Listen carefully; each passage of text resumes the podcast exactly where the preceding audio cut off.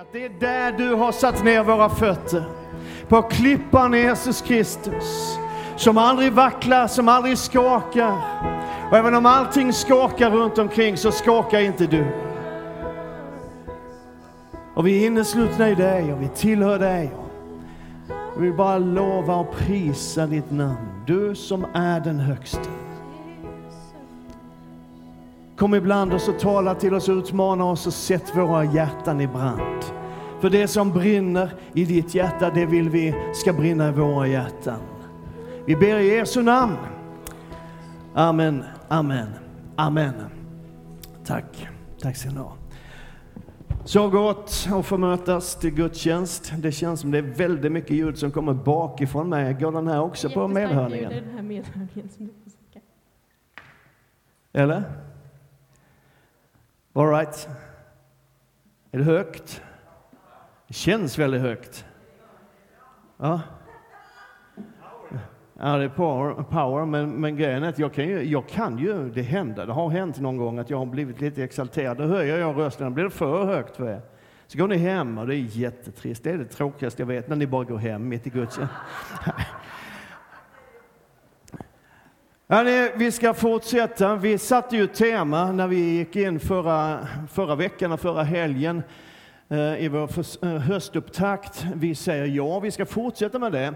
Den här bilden då, den har jag sökt efter ganska länge. Den är tänkt att visa en sorts entusiasm, excitement, men också liksom det här ni vet, lite skräckblandad förtjusning. Som det kan vara när man säger ja till Jesus.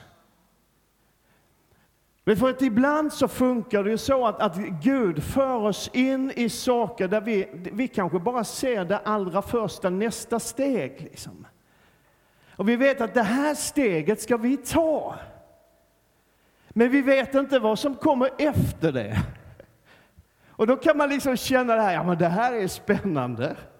Liksom vi, vi, vi, vi känner lite på vattnet här och det var svinkallt, men, men vi, vi känner lite grann på det. Så, och så vet man inte, och så har man det där. Vi säger ja. Och eh, du som var med liksom förra veckan och förra helgen, du vet att, att vi har sagt det här handlar inte om att säga ja till precis vad som helst, utan det är Jesus vi säger ja till. Det är vad som finns i honom och vad han har tänkt som vi vill säga ja. Vi har sjungit och jag tror vi kommer att sjunga den sången lite senare i gudstjänsten idag också. Liksom, till allt vad du är och till allt vad du gör. Vi säger vårt ja som församling. Och vi ska fortsätta nu eh, under de här tre söndagarna som är kvar i september och prata om några områden där vi tror att det i den här tiden är så viktigt att vi som församling och enskilda säger ett väldigt tydligt ja till Jesus. Och det, är- det är ju liksom inga nya områden, nya grejer sådär. Och det, det är sånt här som vi, vi, vi har nog liksom bejakat det förut, men ibland så, så får man liksom upprepa det där, säga ja igen. Amen. Och jag ska säga ärligt att eh, när jag har bett för den här predikan så har jag dels, jag har känt lite grann så här, ja men det är lite spännande att hålla den här predikan. Men det är också lite grann läskigt därför att jag kommer att vara rätt så tydlig idag. Eh, ja, det tror jag också att det är. Eh, men ibland, ibland så, här så kan, man, kan man få, man kan få e-mail och påstötningar från, jag har inte fått så mycket så här, men, men ibland så händer man får lite e-mail så här, ja men nu är det dags att vi som predikanter, vi är tydliga. Nu ska vi vara raka, nu ska vi stå upp för sanningen, nu ska vi säga som det är. Och så här, och nu får vi inte backa, och det, det tror jag är sant. Men det är, om jag ska vara ännu ärligare då, det är ett ganska litet urval frågor som det brukar gälla då. Som vi ska vara raka och stå upp för sanningen och vara tydliga med.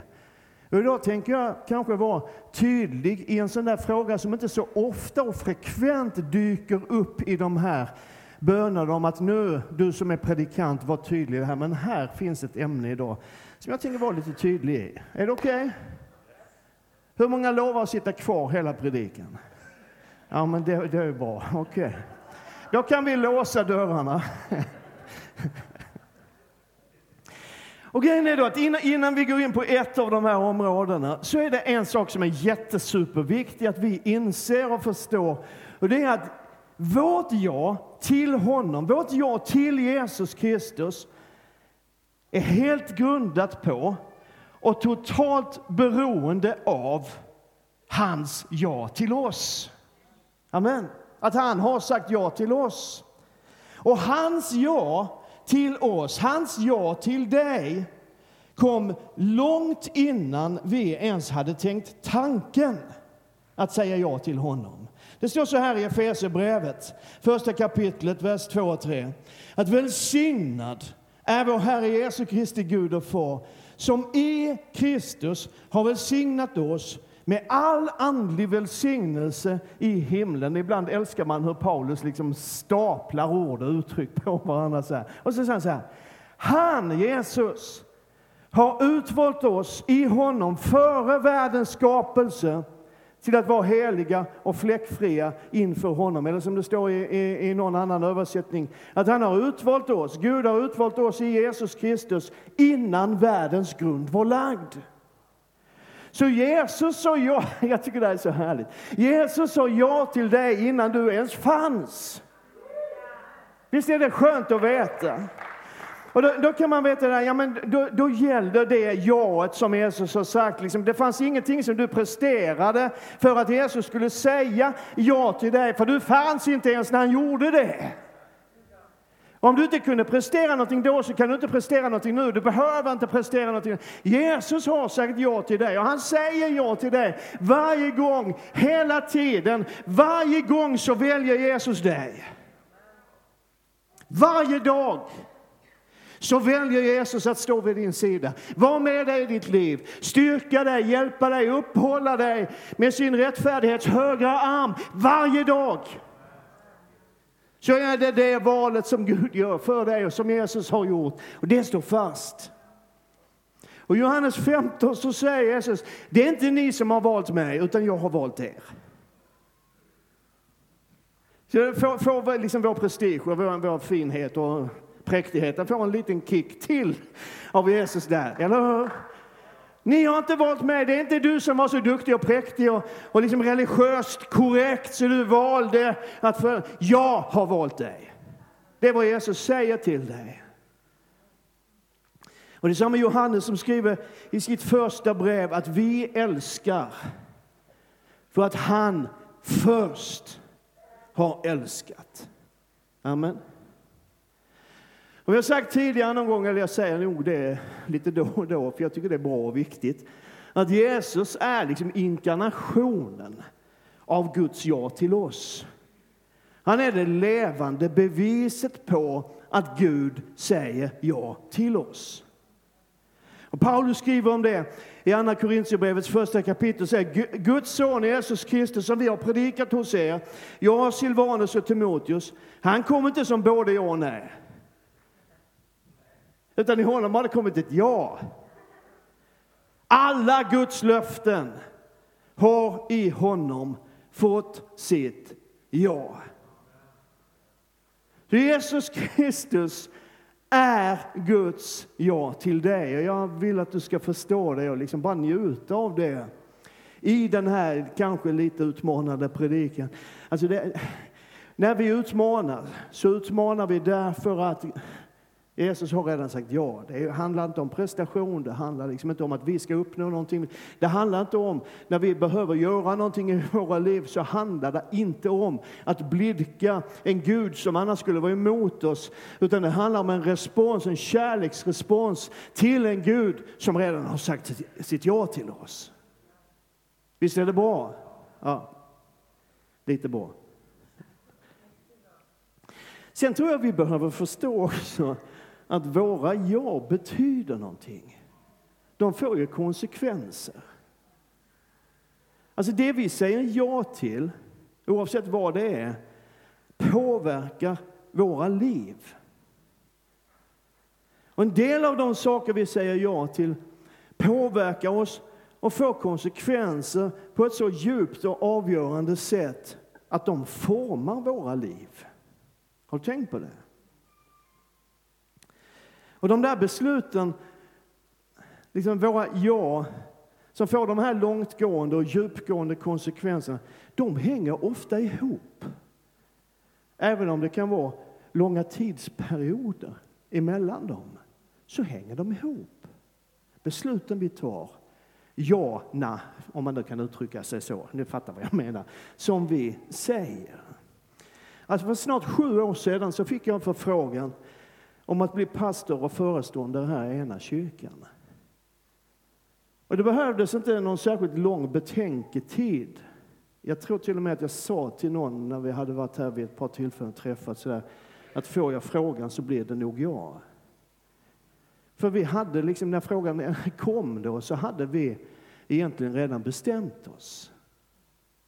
Men grejen är att det där var ett ja som påverkat och påverkar varje dag av våra liv sedan dess.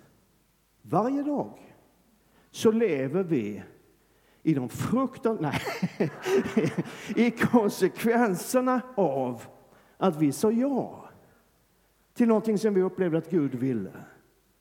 Är du med?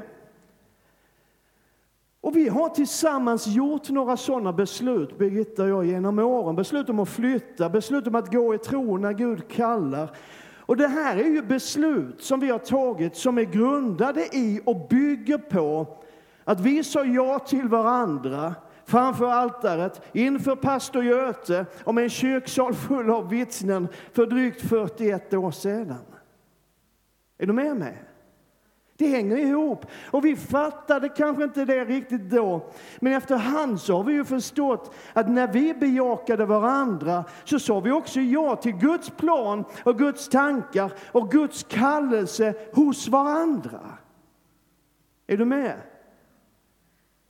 Och det beslutet, för 41 år sedan, lite drygt, vårt ja har påverkat varenda dag av våra liv sedan dess.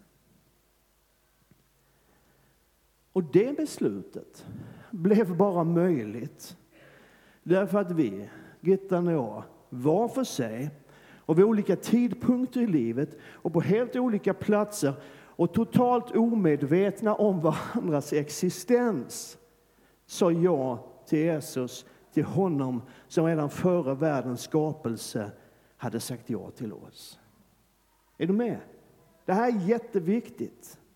Och det är ungefär 44 år sedan som jag sa ja till Jesus. Det är ännu längre sedan Gittan sa ja till Jesus. Hon är mycket äldre än jag. Det, nej, nej, det är hon inte. Men hon är smartare än jag, så hon sa ja tidigare till Jesus. Eller hur? Ja. Det för, för mig är det ungefär 44 år sedan som jag gav mitt liv till honom. Jag blev frälst och det beslutet, mitt ja till Jesus Kristus, har påverkat varje dag i mitt liv sedan dess. Och det är så mycket fantastiskt som har hänt i mitt liv som inte skulle ha hänt om jag inte hade valt den gången som 18-åring att säga ja till Jesus. Våra beslut och det vi säger ja till får konsekvenser i våra liv. Och att säga ja till Jesus, det här är jätteviktigt. Det här är bara en inledning till predikan. Jag ska snart börja. Att, men att säga ja till Jesus, det är liksom inte att klicka i en ruta med någon sorts tillval, någon option som du kan ha eller mista. Liksom typ, ja men jag vill ha balkong med havsutsikt på hotellet. Check, den kostar 1500 mer, men det är det värt. Liksom. Eller ja visst, check, klickar i rutan där. Jag vill ha lättmetallfälgar på den nya bilen.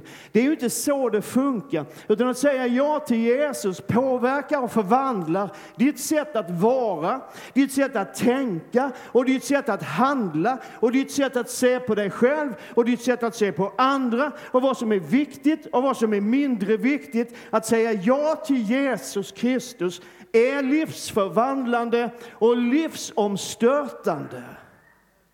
Och om det inte är det så har vi nog inte riktigt sagt ja. Och att säga ja till någonting innebär ganska ofta att man liksom per automatik också då säger nej till någonting annat. När jag sa ja till Gittan så sa jag också nej till alla andra. Alltså, det, det var ingen kö.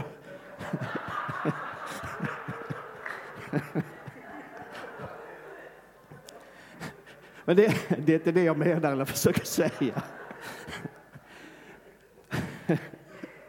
Men ett sånt ja har liksom en, förstår mig rätt, det har en avskiljande funktion och innebörd. Att jag avskiljer mig själv med allt vad jag är och med allt vad jag har för den här människan. Och ett annat ord för att avskilja är det som Bibeln kallar för helga. Amen. Jag avskiljer mig för det här och inte för det andra. Och att säga ja till Jesus innebär också att säga nej. Säger du ja till Jesus så säger du ganska per automatik, åtminstone eh, efter min teologi, ja men då säger du nej till islam, du säger nej till buddhism och hinduism, asatro och new age, vad det nu kan vara. Men det går djupare än så. För att säga ja till Jesus innebär också en vilja att säga nej till synden, till det som förstör, till mörkret. Så här skriver Paulus till sin vän Titus att Guds nåd, det vill säga det Gud gör för oss, Guds gåva till oss, Guds barmhärtighet, Guds förlåtelse, Guds godhet som vi aldrig någonsin har förtjänat eller kan förtjäna. Guds nåd har uppenbarats till frälsning för alla människor. Den fostrar oss att säga nej till ogudaktighet och världsliga begär och istället leva anständigt, rättfärdigt och gudfruktigt i den tid som är nu. Alltså att, att, säga ja till nåden och bejaka Guds nåd, förlåtelse och barmhärtighet i mitt liv innebär också, ja men då säger jag nej till allt det som motverkar nåden och förlåtelsen och renheten och heligheten i mitt liv. Men grejen är, nu börjar vi närma oss ämnet för min predikan, att Jesus går ännu längre och ännu djupare än så när han talar om vad det innebär att säga ja till honom. Och det är ju liksom nu det hettar till på riktigt. Det är nu den här predikan börjar bli jobbig. För det är här vi kommer in på allvar i det som är dagens predikotema. Så här säger Jesus till sina lärjungar, de som stod honom allra närmast. Om någon vill följa mig så ska han förneka sig själv och ta sitt kors och följa mig.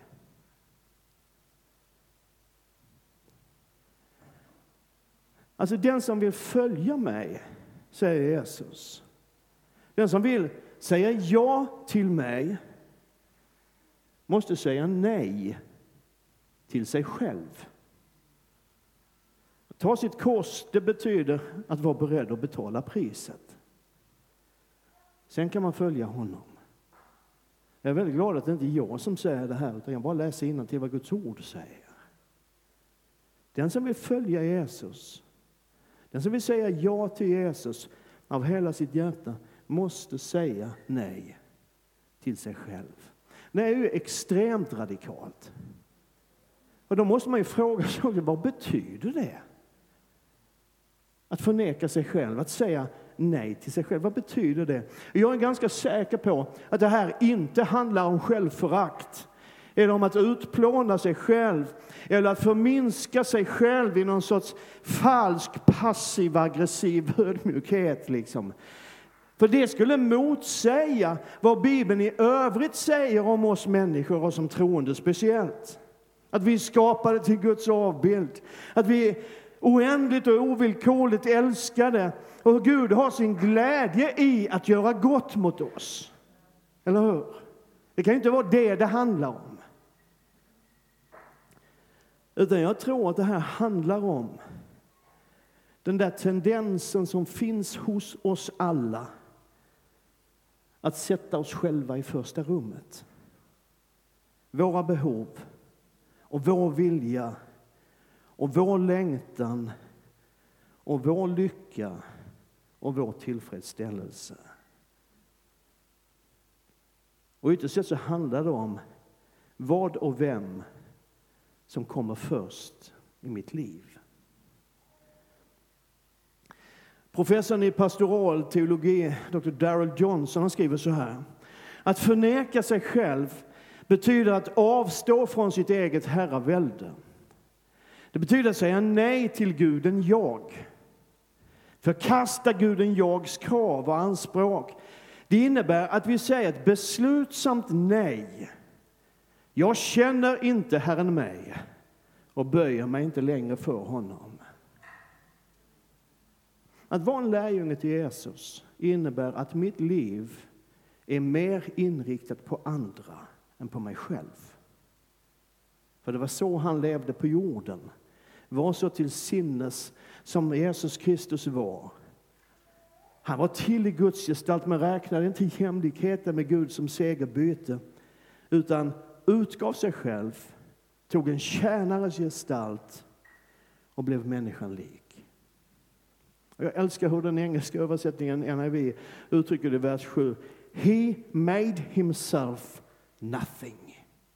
Han gjorde sig själv till ingenting för vår skull, för din skull, för att han redan hade sagt ja till dig. Och så fortsätter Paulus i det sammanhanget och talar om hur Jesus gick hela vägen in i döden för oss, för andra, för vår frälsnings skull. Jag har en ganska levande fantasivärld på insidan av mig. Det kan man inte tro när man ser hur torr jag är, men jag har mycket som händer på insidan. Och ibland så tänker jag så här att när jag ber så som Jesus själv lärde oss att be, så är det ett ställe där Gud liksom stoppar mig. Och det är, det är alltid på samma ställe som Gud stoppar mig. Och så frågar han, hur menar du nu Hultis? Han kallar mig så, jag vet inte varför. Men... Inte Krille, jag vill understryka det, utan Hultis. Hur menar du nu Hultis? Säger Gud. Och det är när jag kommer fram till liksom den fjärde satsen, den fjärde frasen i bönen. Fader vår som är i himmelen. Helgat varde ditt namn. Tillkommer ditt rike. Ske din vilja. Så som i himlen, så på jorden. Det inkluderar liksom mitt liv. Och så kommer den här frågan som jag upplever från Gud när han liksom, ah, ah, ah, app, app, app, app, app, du vet, den. Och Gud frågar liksom, menar du på riktigt? Eller menar du så länge som min vilja inte krockar med din? Det är en rätt så relevant fråga, har jag upptäckt. Och det, är ju, det, det är ju så utmanande och inte så lite irriterande. För jag märker ju hos mig själv, och jag behöver faktiskt inte gå längre än till mig själv. Hur väldigt lätt det är att följa guden jag och Herren mig. Varje gång som Guds vilja innebär att det finns ett pris för mig att betala. När när jag behöver avstå från någonting för att det finns någonting som Gud vill.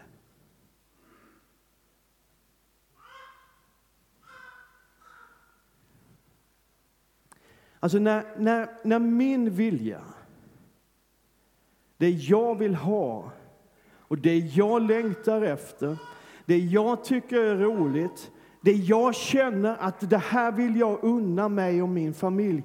När det ställs mot vad Guds rike behöver så är det så lätt för mig.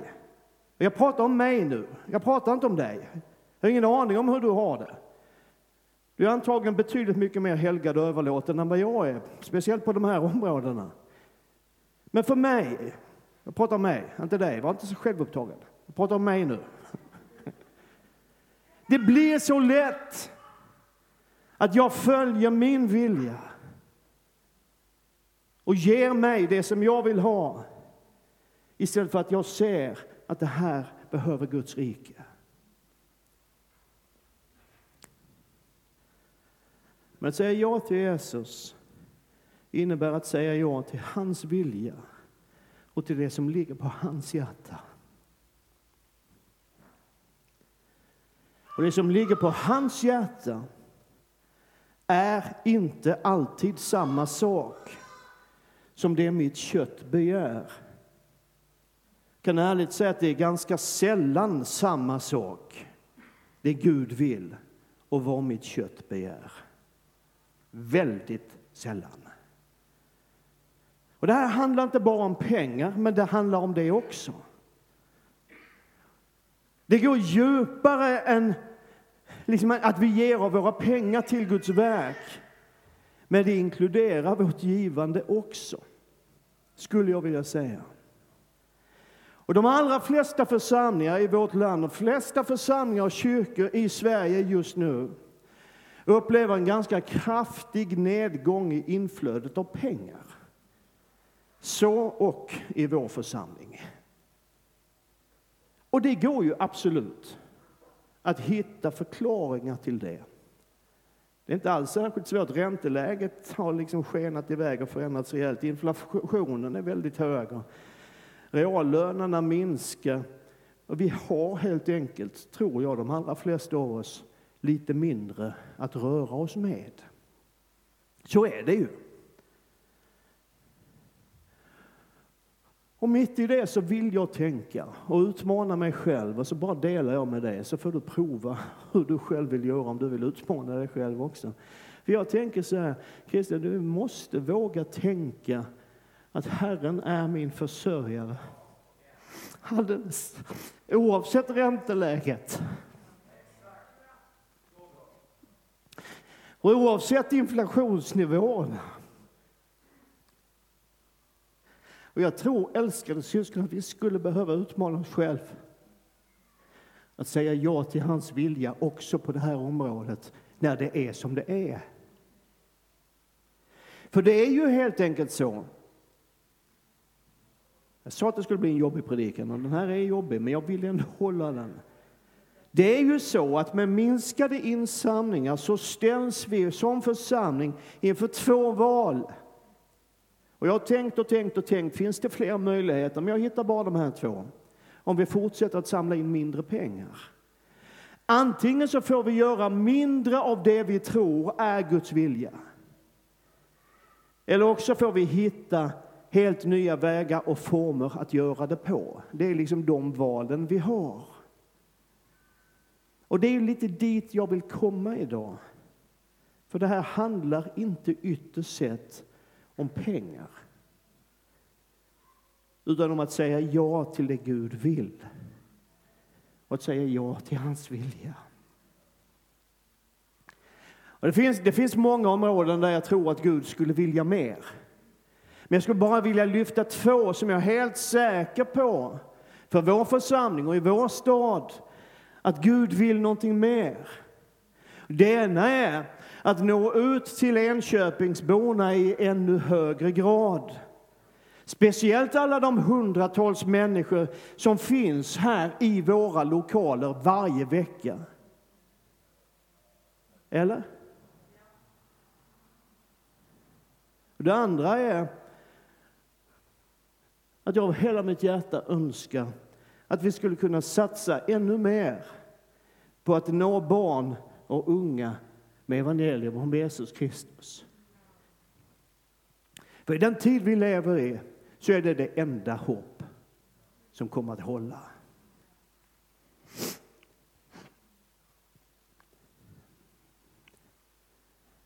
Vi hade en hel heltidstjänst för barn och ungdom för inte så länge sedan.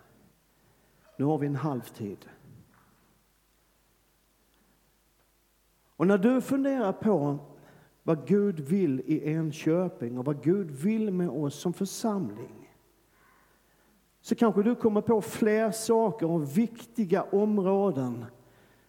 Och det alltihopa kommer att ha gemensamt är att allt det som vi kommer på är saker som kostar. En del kostar pengar, annat kostar tid. En del kostar prestige. En del, tror jag, av det som Gud vill att vi ska göra kommer i vissa sammanhang kanske att kosta oss vårt goda rykte. Inte för att vi gör fel, men för att vi är så radikala i vad vi tror på. Så att en del kommer inte att gilla det riktigt. Det kostar inte bara pengar utan tid, kraft, överlåtelse, våra böner och vårt engagemang. Gud vill. Det är jag säker på. Gud vill. Vill vi? Och vill du?